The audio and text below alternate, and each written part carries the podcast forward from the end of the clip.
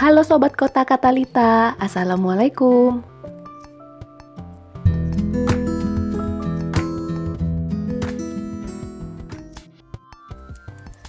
Oke, untuk podcast kali ini sepertinya aku tidak akan mengkritik terlalu banyak.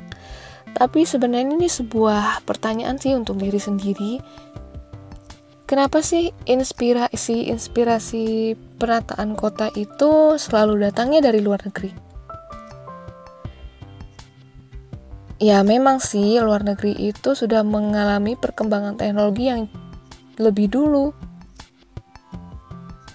Seolah-olah luar negeri itu segalanya perfect, parfait, perfecto alias sempurna. Contohnya, ingin semuanya tampak teratur dari bangunan, jalan raya, transportasi, masyarakatnya. Ya bisa sih sebenarnya bisa jadi inspirasi, tapi apakah bisa itu diterapkan di Indonesia? ketika aku kuliah dulu memang sering banget sih mencari inspirasi-inspirasi penataan kota itu dari luar negeri. Mulai contoh kebijakan perlindungan bangunan, merancang desain koridor jalan, tempat pejalan kaki yang nyaman, pinggir sungai seperti di Jepang, bahkan harus menggusur permukiman demi jalan yang lebar dan trotoar yang menyenangkan. Transportasi umum, orangnya disuruh jalan kaki ke mana-mana, bahkan disuruh tinggal di rumah susun atau apartemen. Atau pemerintahnya harus menyediakan transportasi umum seperti di luar negeri? Iya, secara ideal sih memang seperti itu. Waktu kuliah dulu aku juga agak underestimate sih sebenarnya pas bikin rencana. Seolah-olah inspirasi yang kudapat dari kota di negara lain itu susah untuk diterapkan di Indonesia. Tapi bagaimana ya? Apa bisa begitu? Hmm, kami namanya kuliah sih ya dibuat seideal mungkin. Ketika aku kuliah sekitar 2008, dokumen perencanaan wilayah kota seperti RT RW atau rencana tata ruang wilayah udah ideal banget tuh menerapkan konsep-konsep penggunaan transportasi massal, trotoar yang nyaman, desain trotoar yang udah oke okay banget, memperlebar jalan. Tapi sayangnya, nggak semua pemerintah punya komitmen untuk menerapkan semua itu. Misalnya nih, di Jakarta, busway, MRT, itu sebenarnya di kuliah tata kota nggak asing. Di luar negeri itu sudah diterapkan sejak lama. Di Prancis sendiri, pembangunan metro atau kereta bawah tanah sudah berlangsung sejak tahun 1800. Artinya kita sudah ketinggalan beberapa abad. Di negara mereka memang nggak dilewati jalur cincin api yang banyak titik-titik gempa bumi. Di negara kita nggak kayak Jepang yang menerapkan bangunan anti gempa atau meminimalisir gempa. Dan perlu modal besar untuk membangun bangunan seperti itu. Bagus sih kalau transport massal yang terinspirasi dari luar negeri itu diterapkan di kota di Indonesia, bahkan kota kecil sekalipun. Dan aku sangat apresiasi terhadap pemerintah kota yang berhasil menerapkan itu.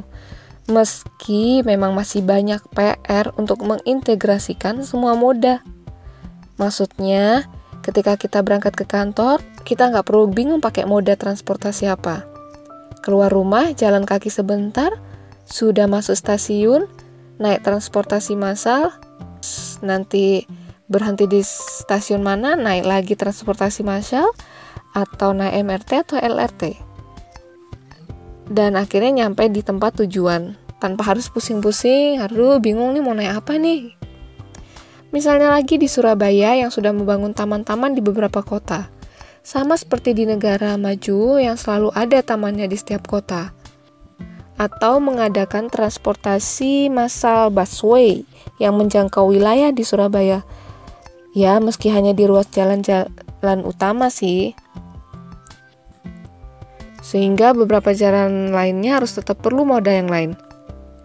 Meskipun sudah dibangun transportasi massal, masih pada pakai kendaraan pribadi, motor, mobil, karena memang kendaraan pribadi di Indonesia itu masih bisa dijangkau masyarakat. Orang-orang masih bisa beli mobil dengan sistem kredit segala macam. Juga izin mengemudi yang tesnya nggak sesulit dan nggak semahal di luar negeri. Jadi kita masih punya kondisi budaya masyarakat yang berbeda, punya aturan lain yang berbeda. Perekonomian yang masih dalam tahap berkembang, belum juga jadi negara maju seperti negara lain, kondisi iklim yang berbeda, kondisi geologis dan geografis yang berbeda, dan itu adalah tantangan terbesar dalam perencanaan kota di Indonesia. Duh, kalau ngebahas ini sih bisa sampai beberapa SKS.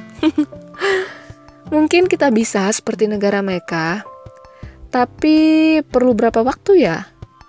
Beberapa puluh tahun lagi atau beberapa abad lagi? Atau ketika semua aturan mendukung kebijakan perencanaan kota? Tapi sekarang sebagai warga yang baik, aku cukup senang sih melihat pembangunan transportasi massal dan taman kota yang mulai masif. Setidaknya sedikit demi sedikit rencana tata ruang diwujudkan sesuai dengan kondisi di negara kita. Bolehlah mengambil inspirasi dari luar negeri, tapi perlu penyesuaian-penyesuaian juga.